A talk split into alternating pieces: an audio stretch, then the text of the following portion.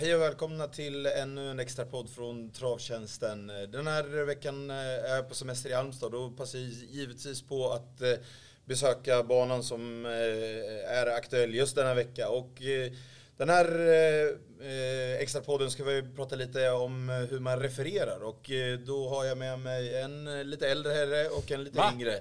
Eh, Jan Molin och eh, Alex Persson, välkomna. Tack så mycket. Tack. Ja, ja, man får nöja sig med tituleringen då, även om det känns, det känns tufft, även om det var sant. Ja, exakt. Ja, exakt, ja, exakt.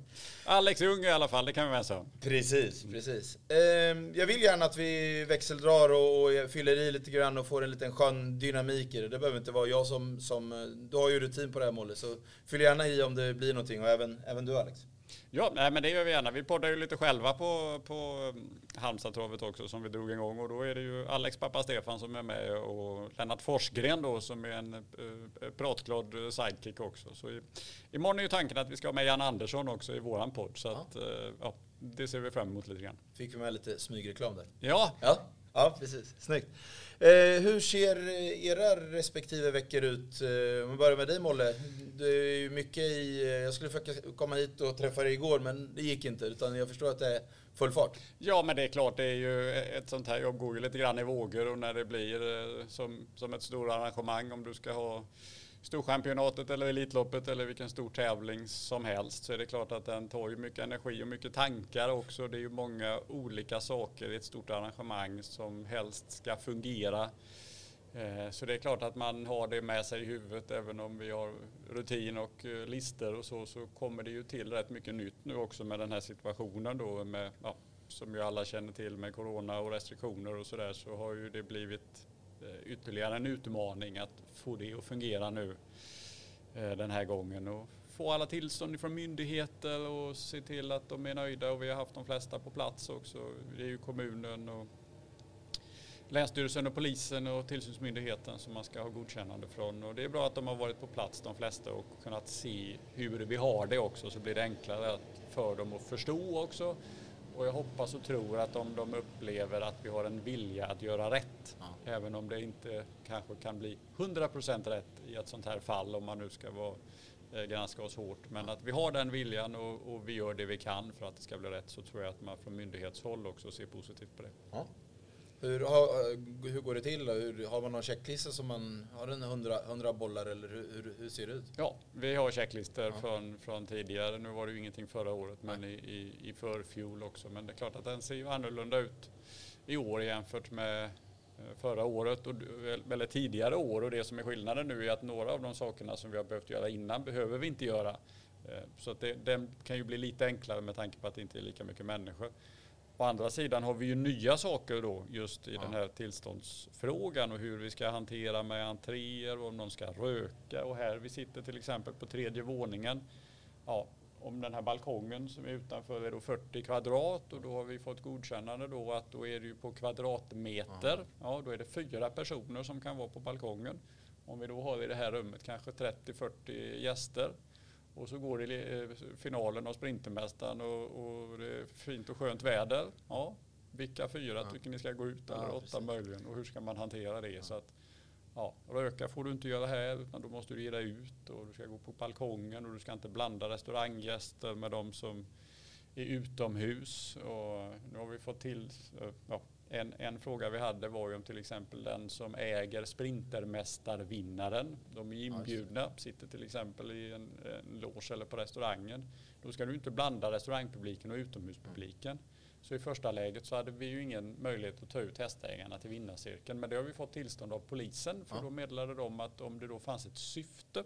Okay. Ja, inte att det var så att säga att vi kunde inte lotta ut någon nej, och gå till vinnarcirkeln. Men fanns det ett syfte så var det okej okay om vi då eh, eskorterade vederbörande. Ja. ja. så att därför kan vi då, har vi fått tillstånd ja. då att ha eh, vinnarna i vinnarcirkeln. Och det är väldigt bra. Ja. Så det är bara ett, ett, exempel av alla frågor som dyker upp under resans gång. Så att det är klart att det, det eh, jag sa någon gång här under tiden också att vi hade mer frågor än svar. Och för varje svar så kom det nya frågor. Ja. Hur, jag tror det är lite andra, andra tankar i din skalle Alex. Som, eller hur känns det att det är just den här veckan för dig? Jo, den är väl betydligt lugnare än Molles kan man väl säga. ja, men det är bra. Med. Det är bra. Eh, jag var ju ute där igår måndag var jag ute hos eh, Johan Unterstein och körde häst i Holm där på hans eh, Drömgården. Det gör jag en gång i veckan nu på sommaren här. Och ikväll på Axvalla ska jag köra lopp och så är det även löpkörning imorgon på Åmål innan det hela drar igång här. Ja. Det är en Värmlandstour. Ja, Precis. Exakt. Hur, hur funkar det för dig då? Är du, har du någon passhäst där du hjälper eller är du bara med och kör jobben hos Johan eller? Eh, vi har en häst som vi strax ska få in sen till hösten som går där ute så jag jobbar väl av att den får gå där lite kan man säga. Ja, ja jag är med. Eh, vi går över till dig igen Moller. Restriktionerna och vad kommer vad gälla? Det är säkert en del som har lite funderingar vad som gäller torsdag, lördag här eh, på Halmstadstravet. Finns det någon chans att man får komma hit och titta på de här fina hästarna? 600 ute eh, är ju det som vi har gått på. Vi hade ju då från början, det som vi sålde från början var ju då för restriktioner juni och då var det 500 sittande. Eh, med de nya restriktionerna så gäller ju 600 icke-numrerade platser. Så att då har vi kunnat sälja 100 platser till så att säga. De här som har sina platser kommer ju naturligtvis att få behålla de som har köpt sittplatser. Men de kommer att kunna röra sig. Annars hade vi fått se till att de inte hade fått röra sig utan då hade de ju varit tvungna att sitta på sin plats ja. hela tiden. Så att det känns ju ganska bra. Det andra alternativet då är 3000 sittande utomhus. Ja. Eh, och då ska man ändå beakta att en torsdag då, då ska du sitta från klockan fem, går första loppet, tio ungefär går finalen. Ja, du får inte göra någonting, du får inte gå någonstans. Du får gå på toaletten. Och så får du gå och handla mat och så ta med dig maten och sätta dig. Ehm, så det är ju någonstans också måste man ju ändå beakta en upp... Det kan ju vara lätt till att man vill släppa in så många människor som möjligt. Men sen måste vi också ge de människorna som kommer hit någonting som är drägligt också. Mm, mm. Ehm, sen är ju också då, det tror jag att andra banor i liknande situation är ju en diskussion med restaurangfolk. Där ju vår restauratör till exempel har svårt att hitta, hitta personal och hitta kockar och sådär också. För att antingen så har de att göra och då kanske de just nu har fått lite mer att göra. Mm. Eller så kanske de helt enkelt har slagits in på någon annan bransch. Så att de som fanns naturligt för två år sedan, förra gången, ser inte likadant ut idag heller. Så att det finns en massa praktiska utmaningar också. Men 600 ute och sen är det då restaurang och loger i övrigt och där gäller ju vanliga restaurangrestriktioner. Och det är fullt, eller det är omöjligt att boka? Ja. Eh, det är ju då så att vi håller ju platser till hästägare som har häst i finalen av storsprinten och eh, försöksloppen Sprintermästaren. Mm. Så att jag har i skrivande stund inte 100% upp, eh, uppdaterat där. Så där beror ju då på om det skulle vara så att det blir färre av dem som kommer än vi har räknat med. Men det är ju väldigt stort tryck och eh, svårt att få plats just nu. Så är det. Hur ser det ut för din del Alexander, torsdag, lördag? Ska du referera någonting eller ska du köra något lopp eller ska du vara här eller hur, hur, hur går tankarna för dig? Eh, vi har ju faktiskt starthäst från vårt lilla kan man väl säga stall på mm. torsdag på V75. Filip Winner ska starta i sista avdelningen och eh, får fokusera lite på han då och givetvis pappa ska köra Globalize i storsprinten så det blir väl fokus på travet i första hand på mm. torsdag och eh, sen blir det kanske lite vila under fredagen och sen ladda upp om inför lördag igen. Ja, ja snyggt. Om vi kommer in på dig, hur just med refer att du har refererat och så, hur kom du in på det? Var det ett eh, intresse i, i unga ålder? Du är ju ja, född i ett stall, höll jag på att säga nästan.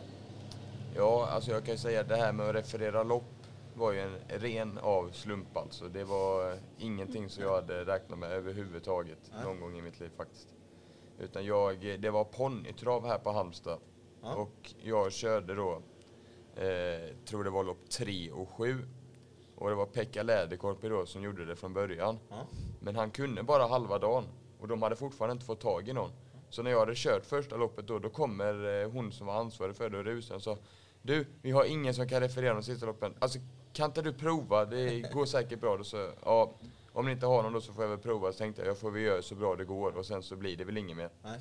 Men eh, ja, det tog en helt annan utveckling. Kommer du ihåg vad du hade för teknik då? Hur, hur du jobbade när du inte ens hade gjort det förut? För någon gång? Alltså jag hade, ju, jag hade ju kollat på så mycket trav så jag hade ju hört lite liksom vad de hade för tekniker de här som liksom refererar mest. Men jag sa, jag kommer ihåg jag sa, jag satt och darrade innan jag tryckte på knappen upp och sen, eh, så sa jag väl numren och hästarna. Ja. Och jag kommer ihåg, det var hårt i mål också. Det hände aldrig ett ponnylopp, men det hände givetvis i det loppet jag skulle börja.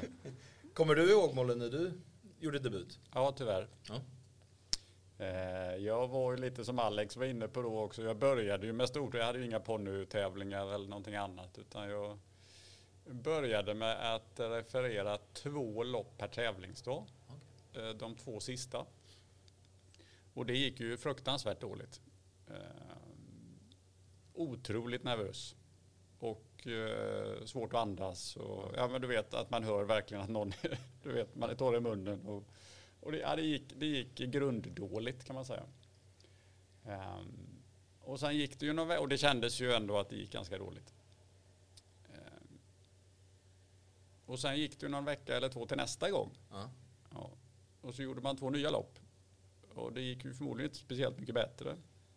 Så det var en av de sakerna som jag tyckte när Alex skulle börja. Han, sa, han fick välja lite själv och jag var med. Men eh, min bestämda uppfattning var att Alex skulle få köra en hel dag.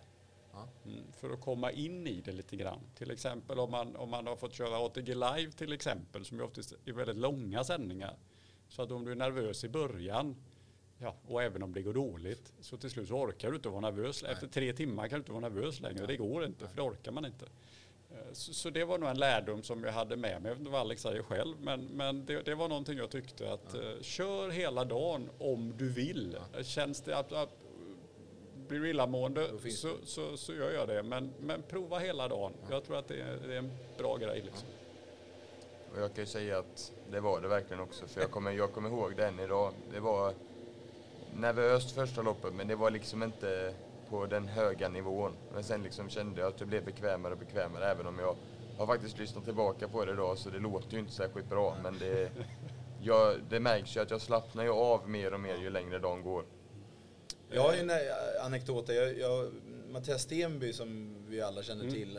När han hade sin svensexa så skulle han köra lopp mot eh, alltså sin blivande fru då. Och då skulle jag referera det loppet på Örebro. Och det var ju bara två hästar och de körde väl i 35 fart eller någonting. Och, det, och jag har rätt så lätt för att prata men jag tyckte, Åh, det, var, jag tyckte det var svårt att få Ja. Men, men, du, få någon form av, eh, vad ska man säga? Och det blev, jag, det ni beskriver det. Jag, jag vet, jag vet, svetten rann och man var, ja, fuktade om händerna och, och bara fast jag var på Örebro trav en lördag och det var hans svensexa. Så det, ja, jag, jag förstår exakt hur ni... men du har för inga lopp eller? Nej. Du har aldrig fått någon fråga eller jag bara tänker med din, med din travkunskap och din verbala förmåga i övrigt så skulle Ja. man kunna tänka sig att du skulle gjort något inhopp, något breddlopp någon dag när det... Nej. Nej. Nej, men intervjuer har jag gjort i Ja. segerintervjuer. Inte sugen då eller har du inte fått frågan?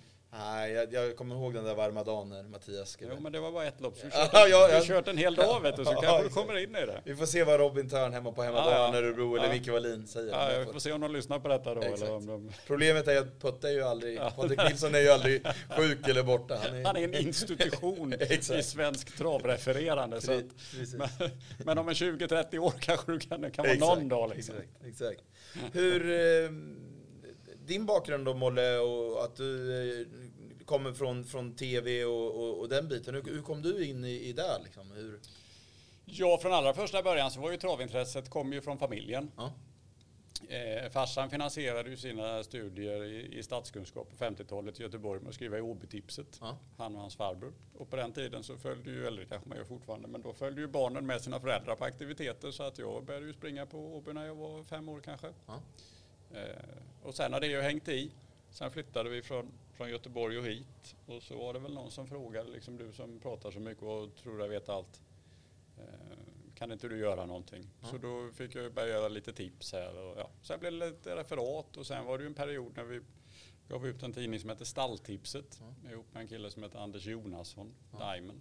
Eh, vi drev det där ett tag och ja, det var ju ett annat liv då än det man levde idag.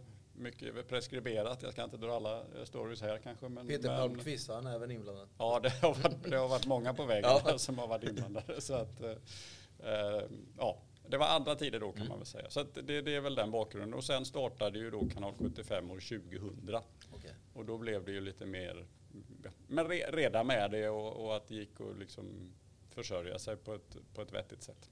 Hur, hur var den tiden? eh, Att man, jag vet ju, du kom till oss i Örebro och det var ständigt på resande fot. Var det, var det, saknar du den tiden eller var det en, man har bläddrat förbi det här kapitlet eller?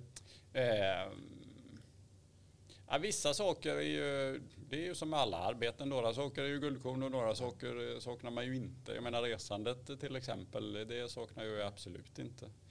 Men det är klart att då kommentera, referera en, en V75 med, med en bisittare liksom i, i, tv. Det är ju ett himla roligt uppdrag ja. alltså. Så att det är klart, det, det, nu refererar jag ju här men, men ja, lite tv-pulsen där och, och, du har något storlopp på gång liksom och någonstans där du sitter bra. Och, ja, den, den kicken kan man ju sakna lite. Ja. Är det någon story du kan bjuda på nu? Som, jag vet att det var någon gång när du var i Örebro där du strul med bil men ni tog er dit och, alltså där. Och, och, finns det några sköna? Ja.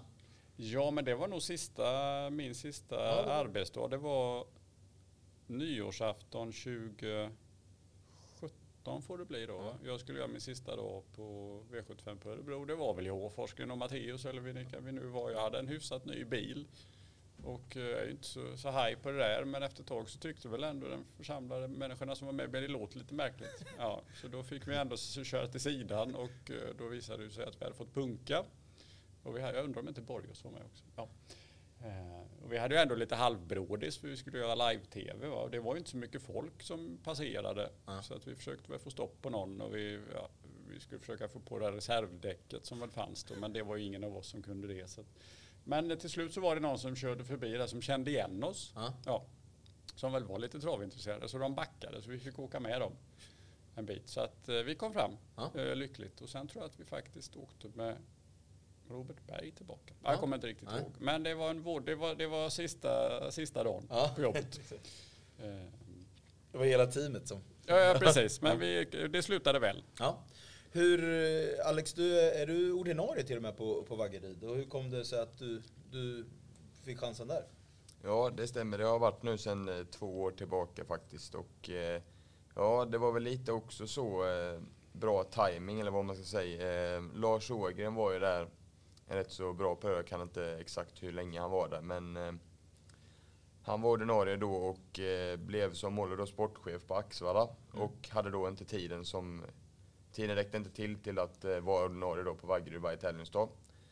Så då behövde de eh, någon ny och eh, ja, då valde de att satsa på mig då, vilket jag är väldigt tacksam för. För jag tror inte att eh, jag hade kunnat utvecklas så här mycket om jag inte fått den kontinuiteten som jag har fått genom det.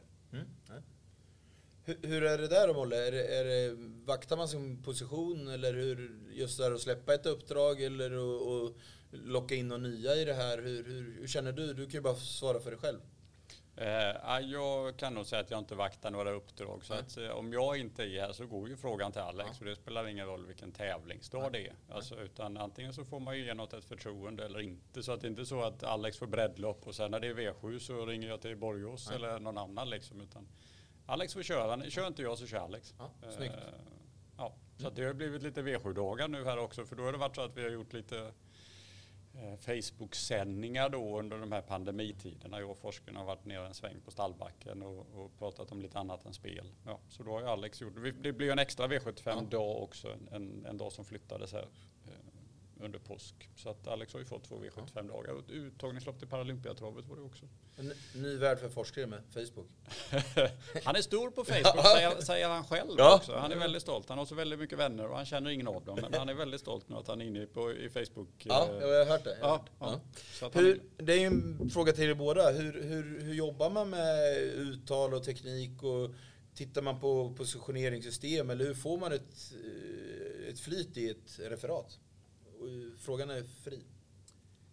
Ja, jag skulle väl säga att det är viktigt att eh, ja, ha flyt givetvis. Att du inte börjar liksom tänka för mycket utan försöka liksom ha flyt i det hela tiden. Och sen eh, försöka få med både nummer på hästarna vet jag att folk tycker är väldigt viktigt. Och sen eh, tycker jag man ska få med kuskarna lite mer också. Liksom, är det lite dött i kanske ett 2-6-lopp där liksom ingen gör något drag, men då kan man säga liksom att ja, hästen, vad den är efter, eller vem som kör, ja. eller vad, vem det är som tränar. Liksom, för att liksom få något nytt. Ja, intressant. Mm. Eh, ja, det är bra. Om man då refererar i, vi kallar ju det att referera när det är på bana. Mm. Och gör man tv så säger man ju ofta kommentera. Mm. Eh, och det, det, kan möjligen finnas en, en liten skillnad i det också. För att när vi är på bana så är vi väldigt korrekta ja. överlag. Eh, det är namn och nummer. Möjligen att man lägger till någon liten.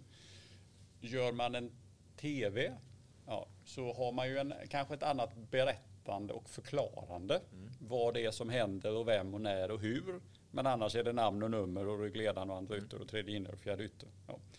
Eh, så att det finns ju en där tycker jag att Alex är inne på ett bra spår. Alltså där, där finns en potential att om man, om man vill så skulle man kunna utveckla liksom banreferatet lite grann och bli lite mer åt tv-hållet och kanske vara lite mer förklarande och lite, ja, våga lite grann där, ta ut svängarna. Jag gör inte det så att, att jag kastar sten i glashus. Men, men om det kommer nya förmågor också så skulle jag nog jag, jag, jag, skulle tänka den tanken. Jag skulle lyssna på ett tv-referat och fundera om det går att uh, möjligen översätta.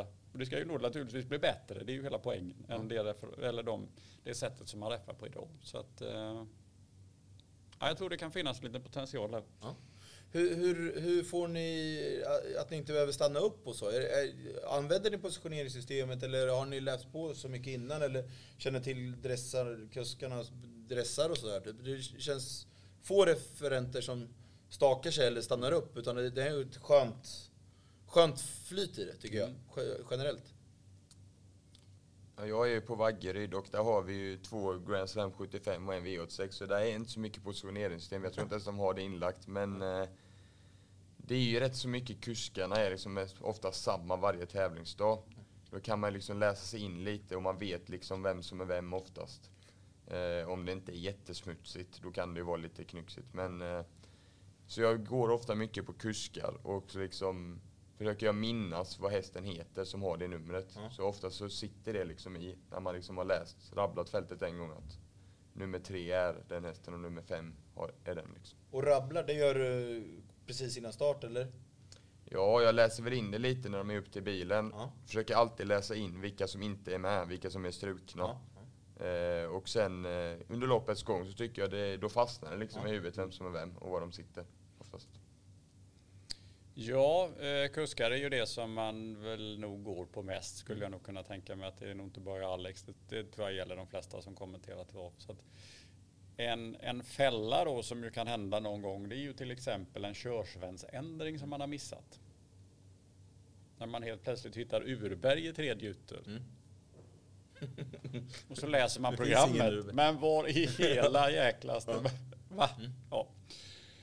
Um, med viss erfarenhet kan man också, för det gäller ju att undvika de här missarna som märks. Uh, det är ju att man helst då i tanken ligger lite steget före.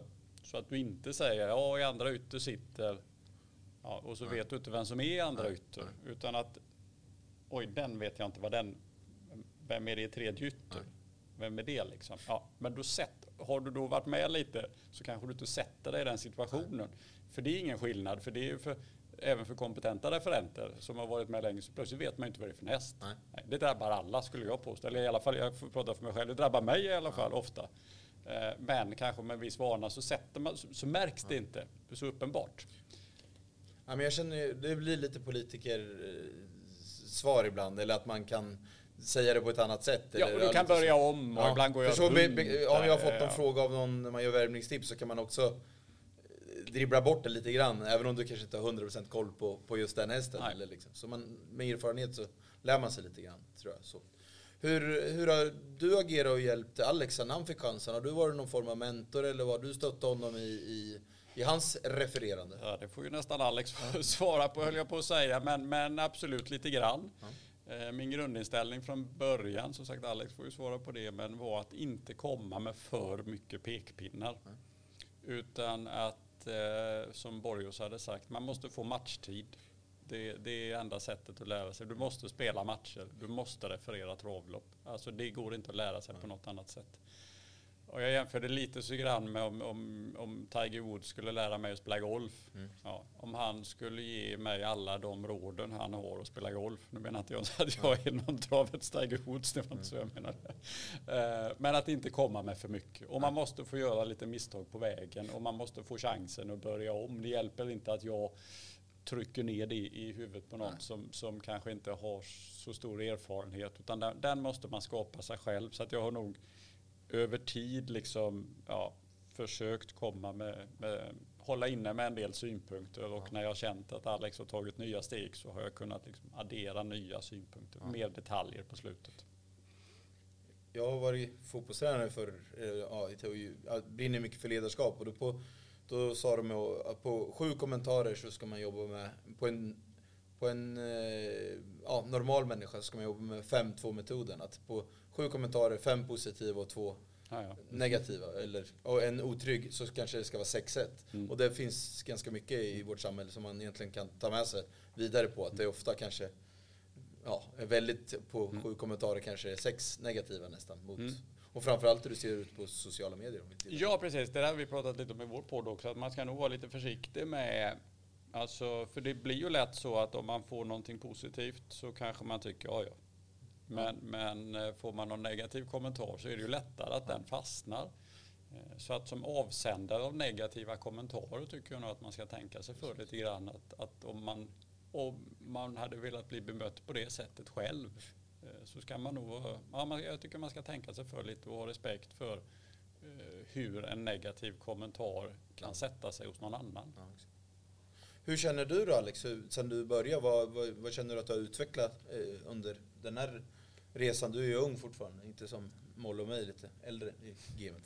Skönt att du tog med dig själv nu i den här åldersbedömningen. Nu blir det lite bättre stämning. Jag kom ju fem minuter för sent hit, ja, så jag var tvungen ja, att... Fem. Ja.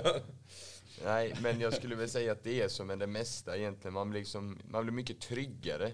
Man liksom, jag känner ett helt annat lugn nu när jag liksom knäpper på mikrofonen och ska köra. Liksom. Det, är inte, det är liksom ingen stress alls, även om liksom, ja, som en V75-dag här, liksom, det var Paralympiatrotsförsök och det är Cyberlane och det är Etos Kronos och Serenfas och det är alla de här hästarna och de här bra kuskarna.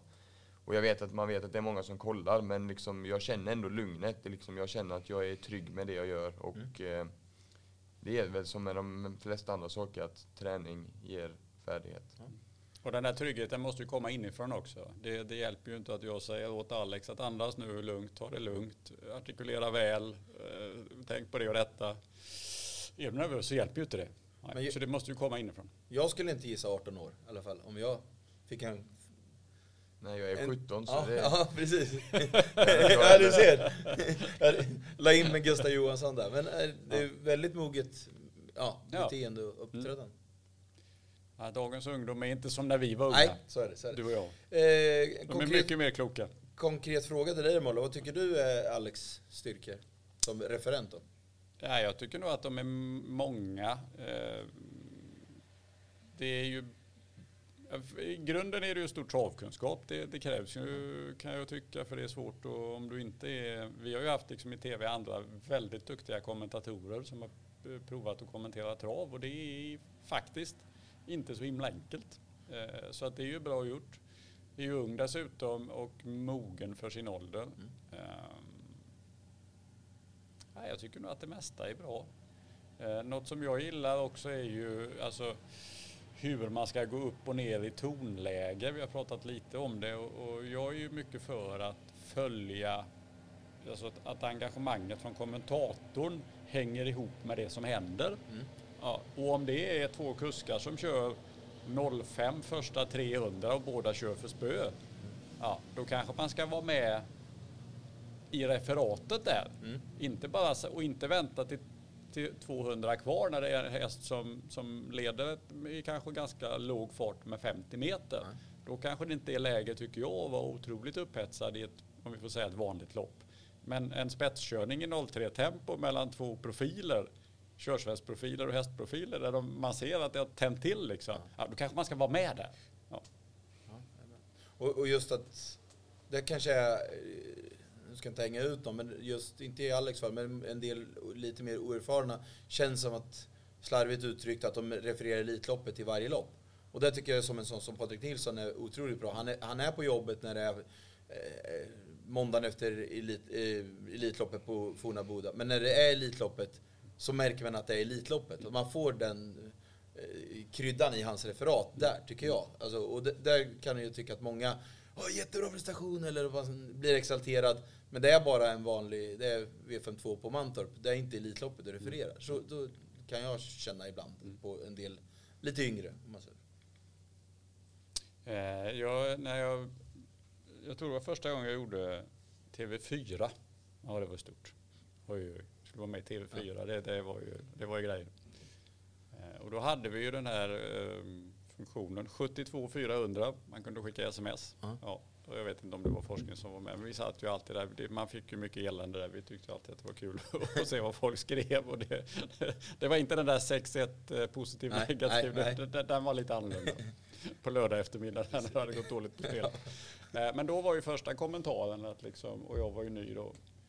Vad är det för en galning de har tagit in? Varför skriker han? Tror han att det är Elitloppet? Kan, ta bort eländet. Ja, det var ju kommentar ett. Så tänkte man oj oj. För då påverkades man ju av de där kommentarerna i början också. Ja, så jag tänkte jag får nog lugna ner mig. Ja, så då lugnade jag väl förmodligen ner mig lite grann. Så då kom sms nummer två. Vad är det för en dödgrävare de har hittat? Vem, vem är det som har dött? Vi är ett gäng eh, här, vi sitter och dricker öl och chips och sett fram emot en kul V75 hela omgången. Ta bort eländet, vi slutar med trav. Eh, så, att, ja, så det finns ju alltid lite synpunkter och, då, blev, det- då blev det lite svårt också. Hur skulle man göra? För det var ju svårt att tillgodose allas önskemål. För den ena tyckte att man gallskrek och, och den andra tyckte att man var en dödgrävare. Ehm, och där blir det ju någonstans att ja men då får man ju, hur den nu är, men då får man ju ändå hitta sin egen stil liksom. För det går inte att göra alla till lags utan det kommer alltid att finnas någon som tycker att, att eh, vederbörande är si eller så. Så att det är ju, ja, att, att hitta en, en stil som man känner sig någorlunda tillfreds med själv. Hur, hur, hur är det att, att referera sin, sin farsa, ja, Stefan, om det är någon som inte skulle veta att det, att det är din far? Alltså det skulle jag väl säga att det beror helt på vilket sammanhang det är. Det, det kände jag lite liksom eh, när det var V75 här sist liksom. eh, kommer ihåg, det var, jag kommer inte ihåg vilken häst det var men det var Loppet gick ut, körde jättesnyggt fram, andra utvändigt och gick ut liksom. Det är klart att det går Ja. ju upp när Ja. det är liksom V75 men jag tror att skulle jag referera storsprinten och han sitter med Globalizer i tredje spår och liksom bara viker ut och ska blåsa till dem då, då tror jag förmodligen att det hade låtit helt katastrofalt för då hade jag väl tappat det mitt på upploppet också. Men eh, är det liksom som han vann lopp på Vaggeryd i lördags, då är det liksom, ja, då går det ganska så liksom som vem som helst. En dag på jobbet även för en 17-åring? Ja, precis. Har du haft något som du har tappat det lite så, eller känslan av att falla över när du har gjort något som du minns? Nej, det kan jag nog inte påstå just av något sånt skäl. Nej. Sen, ja, det finns ju liksom dramatiska upplopp och sådär när man kanske har blivit lite, dragits med och blivit lite högljudd. Ett tag så körde vi ju på eh, Sprintermästaren då tidigt på dagen så körde vi ju liksom, 20 senaste åren av Sprintermästaren. Ja. Ja. det var ju ganska påfrestande att lyssna på Ja. faktiskt också. För det var ju rätt högt tonläge. Jag bara, hörde av sig tv-studion, man kan inte sänka lite liksom. När Kramerborg kom för Ja, just femte gången så Ja. bara, nej. Ehm, nej, annars har det väl varit, jag räknar fel på varven en gång på Ja. Åby. Ehm, annars har det väl inte varit så där, ja, man gör ju små fel och säger fel på namn och nummer och så, men, men det är väl kanske värsta fadäsen. Det var ett kortlopp som, eh, eller det var ett långlopp som jag trodde var ett kortlopp. Ja, ja, okej. Så 200 kvar tyckte jag de satt väldigt stilla allihopa. Ja. Så då tittade jag ner i programmet och såg att det var, det var inte 1600, det var 2,6. Det slår ju ändå inte han som var på Kalmar någon gång och liksom viskar till dem bredvid. Är det upplopp? Va?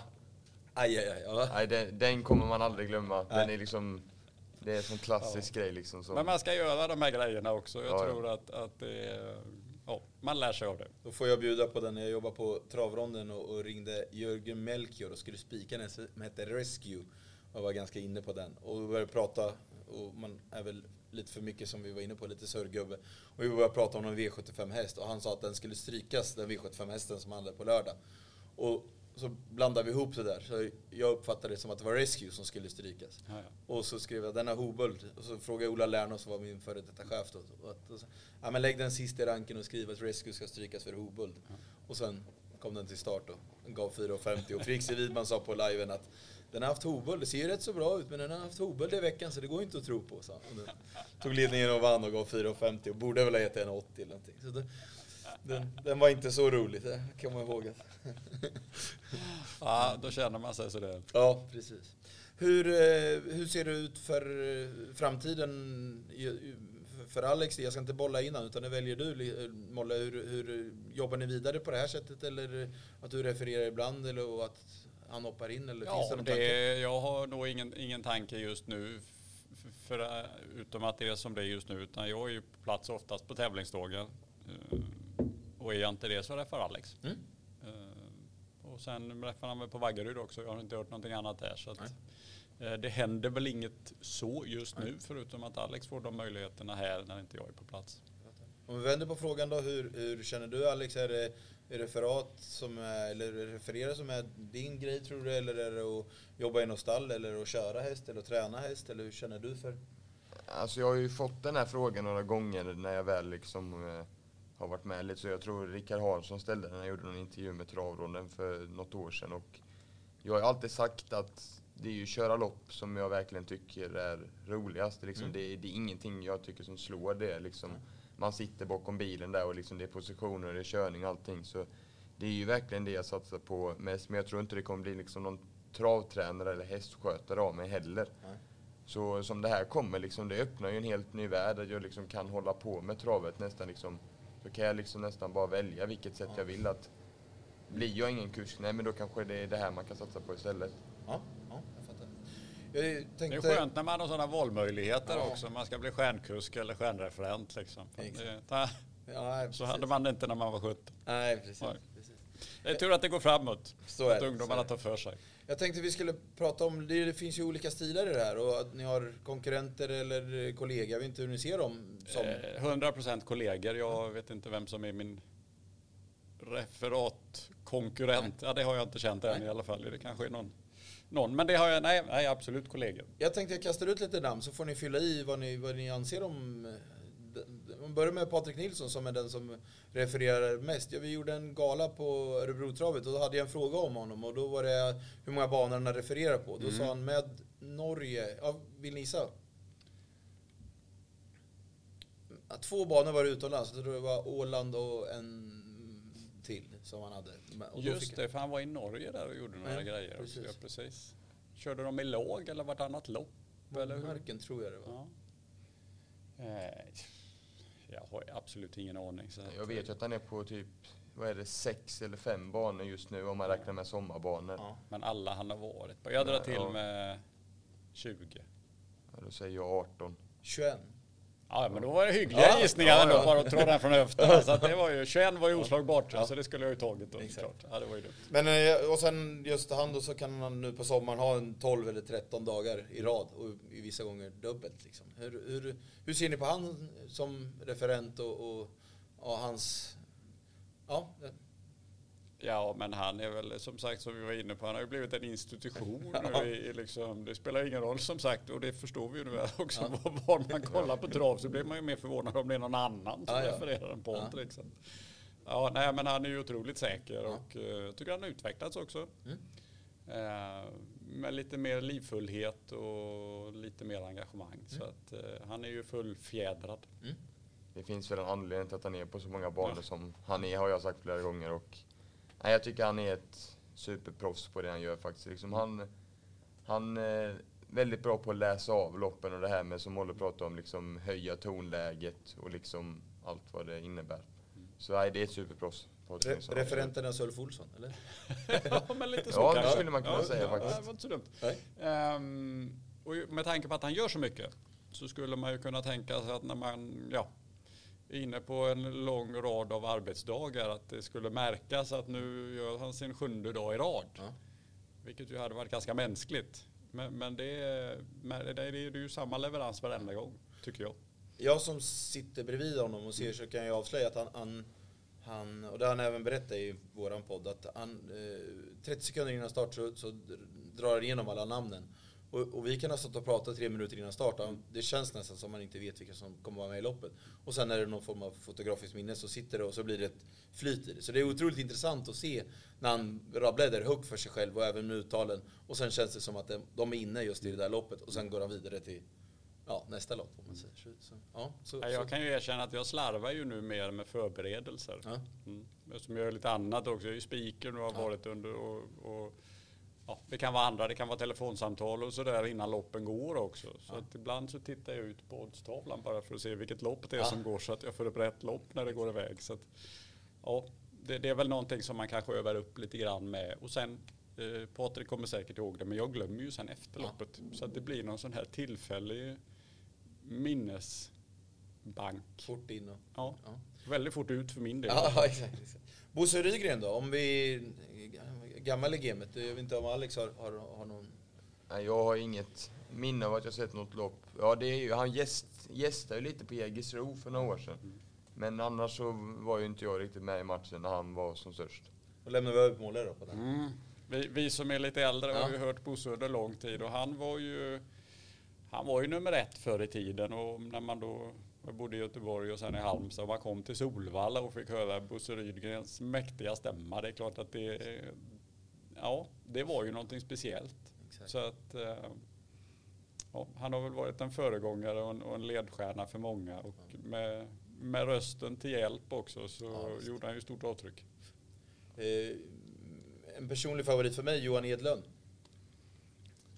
Ja, där har jag ju lite mer erfarenhet. Mm. Även om det också var ett tag sedan han var aktuell i TV eller så. så eh, nej, men han har ju liksom också det här... Eh, jag tycker han och, eh, som var efteråt, eh, vad är det, nu tappar jag namnet, Patrik Skoglund, de är lite Yes. lika i sin eh, typ av eh, att referera. Mm. Att eh, de liksom, de är väldigt bra på att få loppen att låta väldigt spännande och liksom prata snabbt och liksom, eh, ja. Och det finns ju en anledning till att Johan liksom gör hockey, eller vad är det han gör nu? Mm. Ja. Också.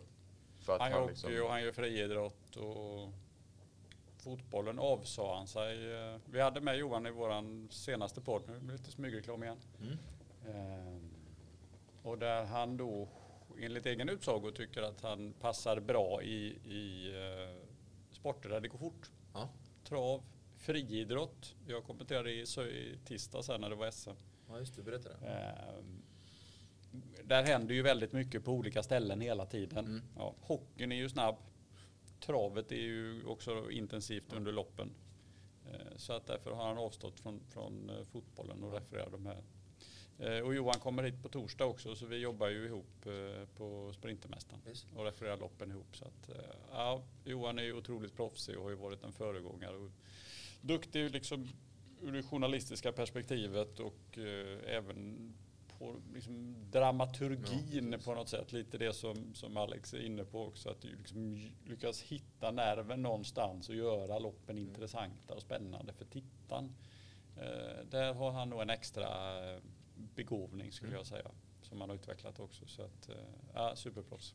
Två personer som jobbar med rösten då, uppe i Norrland, Robert Karlsson och Patrik Wickman. Stora Norrland. Ja. Ja, jag skulle väl säga att framförallt Robert Karlsson, det är lite Bosse Rydgren över honom tycker jag. I referatet liksom, man kan riktigt, man känner att det liksom, eh, jag tror det var det loppet Hail Mary och eh, lopp man har sett där på Umeåker, jag har hört.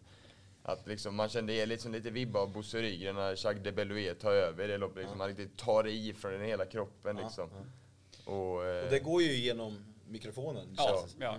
Och, och går mikrofonen sönder så kan han väl öppna fönstret Ja, åt barnlyssnarna. Så att jag vet inte om man behöver den där när, när, när, när hela stora Norrland hörs så, så kanske mikrofonen är, är onödigt. Så att, nej, men det är ju en härlig och lite annorlunda stil också som ju är härligt att vi inte alla är stöpta i, i, i samma form utan han, han låter ju och gör ju på ett lite annat sätt men gör ju det med med stor skicklighet och, och en inre övertygelse på något sätt som gör att det går hem i stuporna. Jag upplever ju att Robert är väldigt uppskattad som, eh, som referent. Jag tror att många gillar att lyssna på honom. Det gör jag i alla fall och, och jag tror att många andra gör det också. Jag, tr- jag tror det är för han har lite det här liksom, ja men han sticker ut lite och det, så, det behövs ju Ja. givetvis. Men att han gör det på ett naturligt sätt. Alltså för annars kan man ju Ja. söka att sticka ut på ett sätt som känns lite konstlat. Ja. Och då kan man ju kanske få en motsatt effekt. Ja. Men, men det är det jag är lite inne på den här liksom, att det är en inre övertygelse. Jag är inte säker på att han tänker så mycket utan att han, att, ja, han kör. Ja. Mm. Och det funkar. Har, har att, eh, man ska väl inte hoppa efter någon eller så, men har ni en, en att man snappar upp någon 5% av Patrik Nilsson och 10 av Johan Edlund eller kör ni er egen grej så att säga? Eller att ni. Jag är nog inte så aktiv att jag så att säga använder ett eh, om det finns de som använder speciella uttryck ja. eller sådär, om man använder bakfickan eller någonting sånt och så är det någon som förknippas med ett sånt uttryck och skulle jag då använda mig av det så känns man ju som en halvdan kopia utan den som kör det ska väl få göra det. Ja. Om jag då känner att jag borde utveckla min språkliga arsenal så får jag väl tänka till och komma med något, ja. något eget. Då. Så att, att just kopiera andras uttryck liksom, Nej. Sen kan man ju lyssna på hur man gör mm. ja, i ramen. Liksom. Mm. Det är ju en annan fråga. Men att just rakt av bara kopiera, det, ja, det, det tror jag inte på. Nej, jag skulle vara inne lite på samma sak. att Man hittar sin grej och så liksom får man köra på det. Det är klart man kan ju ta inspiration. Framförallt jag då, som är lite ny. Man lyssnar på trav varje dag. Liksom det, man tar ju inspiration givetvis från alla de här som har rutin. Men eh, jag tycker liksom också att liksom, köra på samma grej som någon annan, det blir liksom det blir till slut tjatigt för ja. liksom folk som lyssnar också, om liksom alla ska köra samma sak. Något som du är duktig på Måla och jag är mindre bra på är att prata tydligt och som Lasse Granqvist är ju väldigt vass på det. Är det någonting man tränar upp eller och ändå får det att inte låta långsamt eller att det ändå blir en, en dramaturgi i det hela eller vad man säger? Eh, Nej, det försöker jag väl nog och där är väl lite som man är. Pratar kanske hyfsat tydligt liksom mm. i, i vardagen. Det är nog svårt att göra om sig. Det är mm. som Alex är inne på. Man, någonstans är man ju den man är och det är det man får utgå ifrån. Oavsett om du är på arbetet eller om du refererar travlopp så, så kan man inte vara Lasse Granqvist eller Johan Edlund mm. eller även om man skulle vilja. Utan man får utgå från sig själv och så får man väl försöka göra det så så bra som möjligt. Och det tycker jag ju är, jag tycker att det är viktigt. Mm. Alltså varför refererar vi travlopp? Det är ju liksom grundfrågan. Vad är poängen med vårt arbete? Och det är ju någonstans att hjälpa tittaren, spelaren, lyssnaren att ändå hitta sina hästar. Mm. Ja, jag försöker i alla fall att positionera dem i tredje inner, fjärde inner, femte inner. För att, för annars är det du vet, där bakom och sen kommer och sen ja. och där. Aha, och om du då är, jag tänker mig en en vanlig, inte första gångs besökare men nästan på som står ute på platserna här och man ser lite halvhjärtat. Och så har man den typen av därefter och invändigt och sedan. Ja, var ligger min häst ja. någonstans? Kan, kan någon vara snäll och berätta det? Jag försöker göra det. Det, ja. det är ju inte alltid att jag lyckas med det men det, det, är i alla fall en tanke jag har att, att man ska berätta var hästen ligger med namn och nummer. Har du någon fylla i där Alex? Eh, nej, det är väl lite samma sak där man liksom, man måste vara, försöka få det tydligt liksom, även om, ja, sitter du i bilen och så kanske du kör samtidigt och ska liksom lyssna efter, du ska veta var hästen finns någonstans. Det är ju också liksom det, jag tror alla liksom nästan utgår från det, att man ska veta var hästen finns. Ja. Just, det är väl ni som har satt det på lite kartan att du och Johan Idlen har, har delat på, på loppen under Sprintermästare. Hur kom, uppkom den, just den idén? Och det har blivit en succé, eller? Eh, ja, det, det, får ju, det får ju andra bedöma, men vi, vi har roligt i alla fall. Eh, sen, sen, får ju andra recensera våra insatser. Men jag tror väl att det var i en ambition att hitta på någonting och där man då nog i tv mer från att det väl förr då kanske var Bosse Blomqvist som, som kommenterade loppen för länge sedan i Tips Extra till att man utvecklade att man hade en bisittare och vi diskuterar väl det där lite grann också. Och en, en stor publikskara och att kunna, ja, lite mer förklarande och så, vilket ju Johan då är duktig på också. Så att i, i den typen av referat så kan det komma in lite mer kanske taktiksnack och varför någon gör si eller så och kanske att man är tidig med favoriten, var den håller hus någonstans. Att om jag tar starten, ba, ba, ba, ja, då, då kanske Johan fyller i med att Hail Mary liksom från spår 1 har hamnat fyra på innen just nu. Bekymmersamt, ingen lucka. Ja, vi får se hur det löser sig. Alltså, lite åt det hållet. Hur fungerar det? Knackar ni varandra på benet eller blir det, är ni så rutinerade så ni känner att nu är det nu ska Johan ta över, nu har jag pratat i 300 meter, eller hur, hur, hur, hur arbetar ni där? Nej, jag vet knappt, Nej. jag får säga. För att det, det, är ju inget så bestämt. Vi hade någon tanke från början om 500 meters passeringar eller sådär, men det blir lite Ja, kan bli lite stelt ja. sådär. Så att vi, vi står ju bredvid varandra rent fysiskt också. Ja. Så att vi... Eh, det löser sig ja. på något sätt. Hur skulle du uppleva att jobba så någon gång? Alex, skulle det vara intressant eller? Eh, jo, men absolut. Det finns väl... Eh, jag skulle väl inte säga emot det. Jag tycker det är, liksom, det är en bra idé att liksom göra det. Framförallt då liksom Sprintermästarna, liksom oftast det är liksom lite högre fart i loppen ja. och liksom man kan få en annan... Ni kan ju få en annan spänning och liksom få publiken liksom mer på tårna kanske. Mm. Eh, sen är det så att Johan gör ju inget annat trav. Nej, än bara Sprintermästaren. Så det är vi ju väldigt glada och tacksamma för. Så då, då, blir det ju en skillnad också mot mm. det vanliga att de är vana och hört mig eller, eller möjligen Alex. Men, men Johan då som ju är välkänd, inom, inte bara inom travet utan inom annan verksamhet också. Att ja. ha honom just på Sprintermästarkvällen känns ju som ett, ja, ett lyft och att man märker då att det är någonting annorlunda som händer vi är ett gäng som åker den här veckan och har gjort det i tio års tid och, och, och varit här och man blir lite nostalgisk och minns tillbaka och kommer ni ihåg då fort den öppnade från start eller sådär. Och, och, när jag planerade den här podden igår så skulle jag fråga om det var något speciellt sprintermästar eh, eh, final som, som du minns. Och, och, grabbarna i stugan, de var helt övertygade. Han måste säga det här, annars fattar jag ingenting. Så jag har en, en okay. inspelad här om du prickar den. Är det något du ja, det blir svårt ja, när man blir äldre. Vi kommer in på åldern ja, igen. Att man minns ja, precis. Så skulle det vara. Det är ju alltid svårt då när man ska recensera sig själv. Det är ju roligare att recensera andra. Ja. Kanske enklare också för den sakens skull. Men ja du, jag får väl klämma ur med något så, så, så det blir någon gissning. Alex får vi se om han har någon, ja. någon synpunkt. Men jag drar till då med, med eh, Beijing Boy. Jag tror att det var 99. Det var ju en hemmaseger. Det var Don Widegren som slog ur underläge. Jag tror han vann från spår 11 och kom längst ut i banan. Och jag minns att jag hade jag har sett den nästan så jag hade någon känsla, liksom, fast han låg bland de sista, okay. redan på bortre långsidan, att, eh, att det såg liksom bra ut. Han var på tårna. Du var före din tid med livespelare? Att du kan... ja, precis. Det är ju lätt nu efteråt. Ja. 42 som vann och så att det såg jag 700 kvar.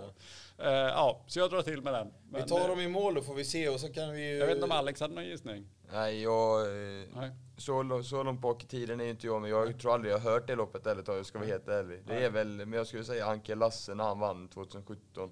Ja. Det var också eh, väldigt, väldigt bra faktiskt. Nu, den var faktiskt tvåa på listan, men vi, vi tycker... Den var vi, tvåa. vi, gjorde en lista. Vi, vi tycker den här då. Och så kan, vilken kom sist? Så kan vi eh, lyssna på den och så Aha. kan vi... Okay. Så kan vi få eh, recensera varför ja. vi trodde att just var den ja, här. Det får, det får, det får,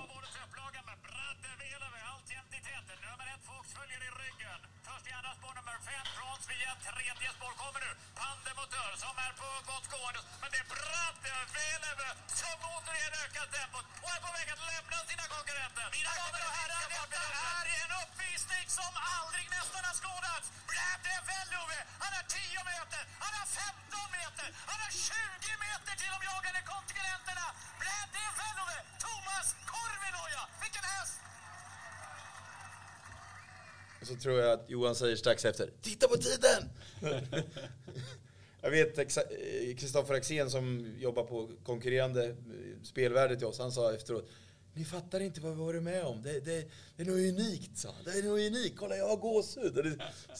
Men, men förstår ni varför, när ni hör, eller, Du var ju inblandad, Molle, om vi börjar med dig. Ja, eh, ja men, men vi hör ju Edlund på slutet ja. där också, så att han har ju en förmåga att fånga stunden. Ja.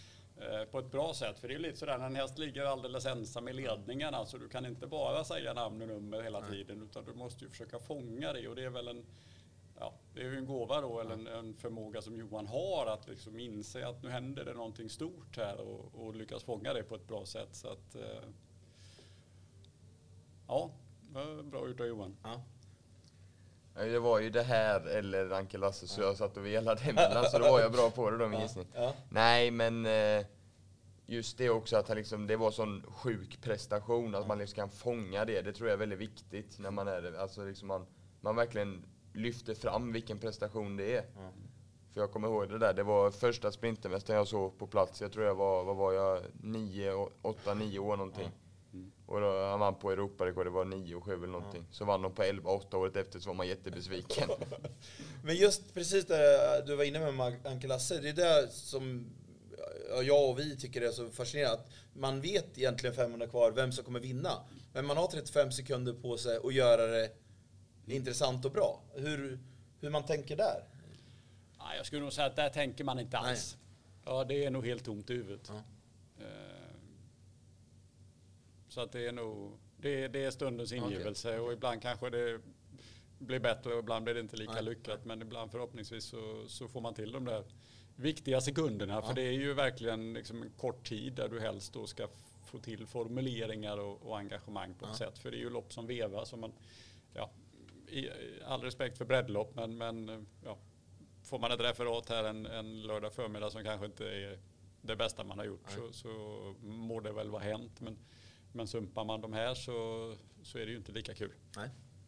Har du något? Nej, jag skulle väl kunna säga det liksom. Jag kommer ihåg eh, det Paralympiaförsök när Aetos Kronos vann och han liksom hade rundat alla och var överlägsen i den säsongen. Jag såg ju i princip 400 kvar att han, han ökar ju bara. Ja. Men då får man ju försöka liksom få med det att han, liksom, han bara utökar. Ja. Det är liksom ett vanligt jag brukar köra. Ja, ja. För att liksom verkligen hylla då vilken prestation det är. Så ni godkänner våran, våran rysningsbraddevellever? då? Ja, nej men det, det, som sagt det får ni avgöra. Men Ja. jag tyckte att Johan gjorde ett eh, bra jobb där så kan jag väl säga. Ja, ja snyggt.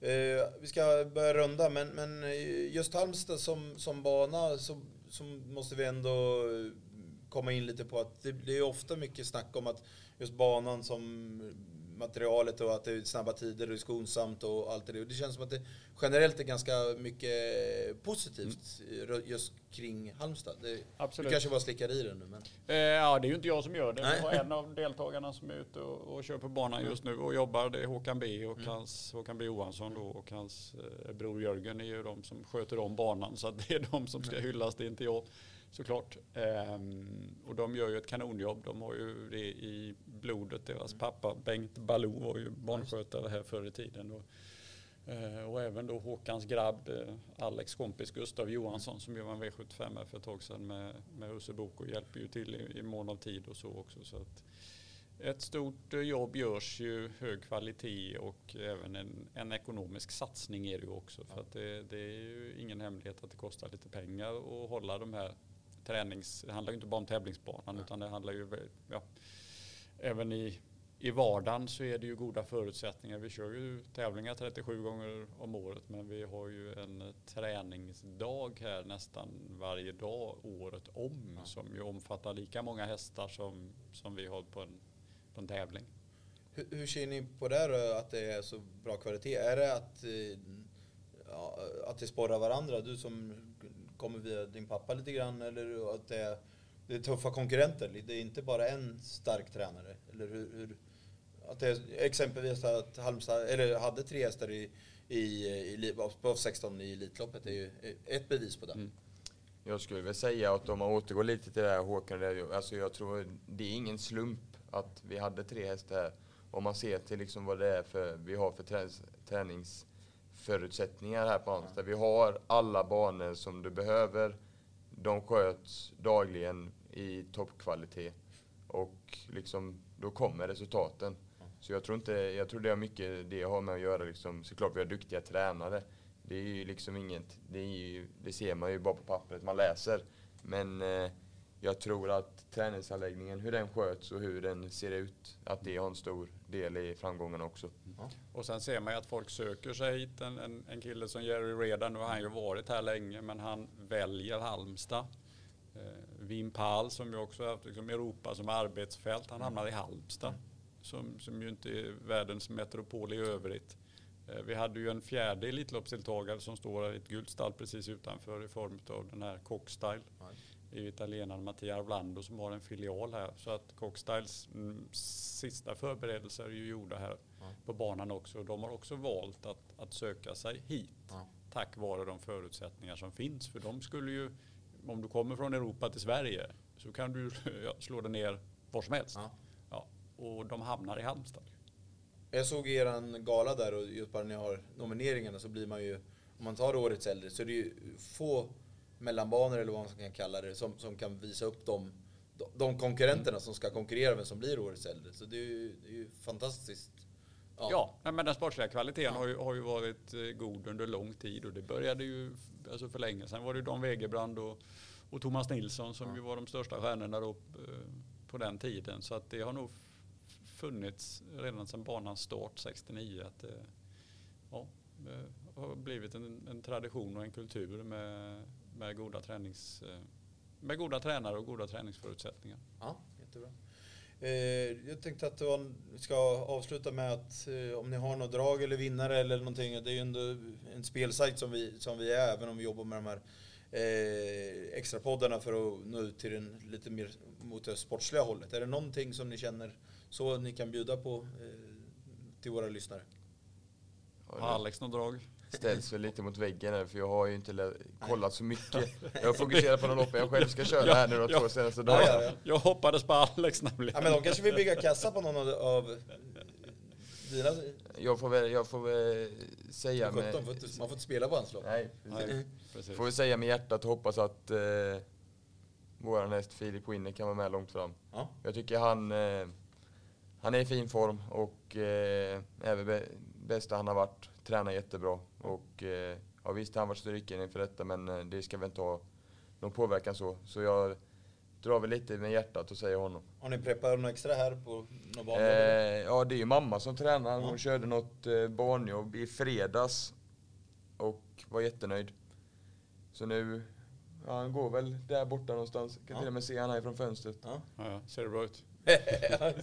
han, eh, verkar pigg och glad och trivas med livet. Det, det, borde, det borde vara, är inte du värmningskille Mårten? Då måste ja. du kunna se om hur ja, ser ja, ut liksom. Sträck på den lite så får du se om, det, om han ser fin ut. Kvasta med svansen. Ja. Nej, men förhoppningen är att han, ska, att han ska göra ett bra lopp. Sen, jag är för dålig koll. Det är såklart jättetuffa hästar en sån här kväll, men eh, vi är med i loppet och då kan allt hända. Ja. Olle Goop har vi fått. Nej. Precis. Allt kan hända. ja, precis. Eh, ja, men jag hakar väl på, på Goop-tåget då ja. också. Så att jag, jag har pluggat på lite dåligt. Det var ju förr i tiden så var man ju mer eh, påläst förhoppningsvis. Så att det är inte samma, samma vinkel med det jobbet jag har idag att läsa på så himla mycket. Så att, ja. men, men runt Sprintermästaren så, så känns väl ändå Önas, det är ju inte någon outsider, det förstår jag också. Men jag är spänd på att se vad Önas Prins kan göra också. Kanske mm. hur fort han kan springa. Jag tänker mig att han kanske vinner sitt försök behändigt. Han är ju så startsnabb och kan vara lugn också. Så till finalen vet det tusan. Det ska ju bli fint väder ja. Eh, för övrigt. Precis. Eh, det är vi tacksamma för. Så att jag, jag är spänd på, jag tror att Önas Prins vinner. Ja. Eh, och jag är lite spänd på hur fort det kommer att gå. Får hoppas att Berg kan göra någonting med Rome Pace-Off mm. i finalen. Han gör något sånt här drag som bara han kan göra. Ja, ja. Liksom, liksom verkligen spärra Önas Prins. För jag tror han till och med kan springa runt 09 om inte fortare på en snabb Halmstadbana här på torsdag faktiskt. Mm. Det känns inte, det känns det är klart, det är ju inte så realistiskt, men det är inte omöjligt. Mm. Robert Berg hade, ju, hade vi med i podden här förra veckan också. Och då, eh, han valde ju spår 4 med den här 50 Cent Piece i storsprintens final. Så att han har ju alltid en, en räv bakom örat. Eh, han hade en tanke om det också med hur startbilen körde och att eh, det var säkrare att komma iväg därifrån. Så att han kan alltid Eh, hitta på någonting. Så att han blev en krydda också. Så att det är nog inte så att Per Nordström kan promenera hem. Så att det hade varit härligt om man hade eh, om det blir fart på, på tillställningen.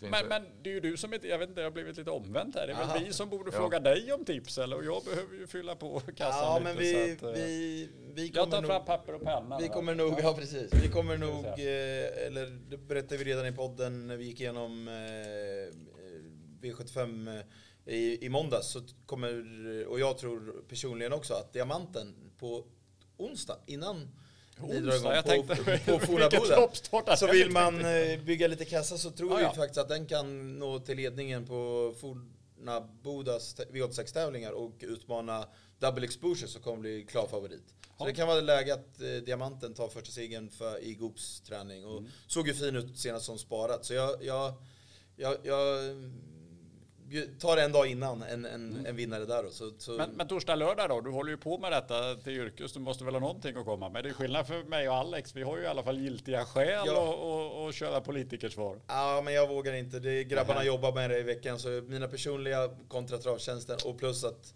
jag är faktiskt här på semester. Så, så ah. Semesterklädd och, och, kommer fem minuter för sent. Men, ja, och men, inga drag. Ja, inga ja. drag. men jag är jättetacksam. Skönt surr gubbar och grabbar så att ni kunde ställa upp och jag hoppas att eh, ni som lyssnar har, fick med er någonting. Jag tyckte i alla fall det var en intressant timme eller vad vi kanske fick ihop. Och, eh, Molle, lycka till med eh, arrangemanget eh, torsdag, lördag och eh, Alex, kör Tack. hårt i, i loppen. Tack så mycket. Tack för det, det lär Ja. behövas. Ja, bra. Kanon. Tack, hej, hej.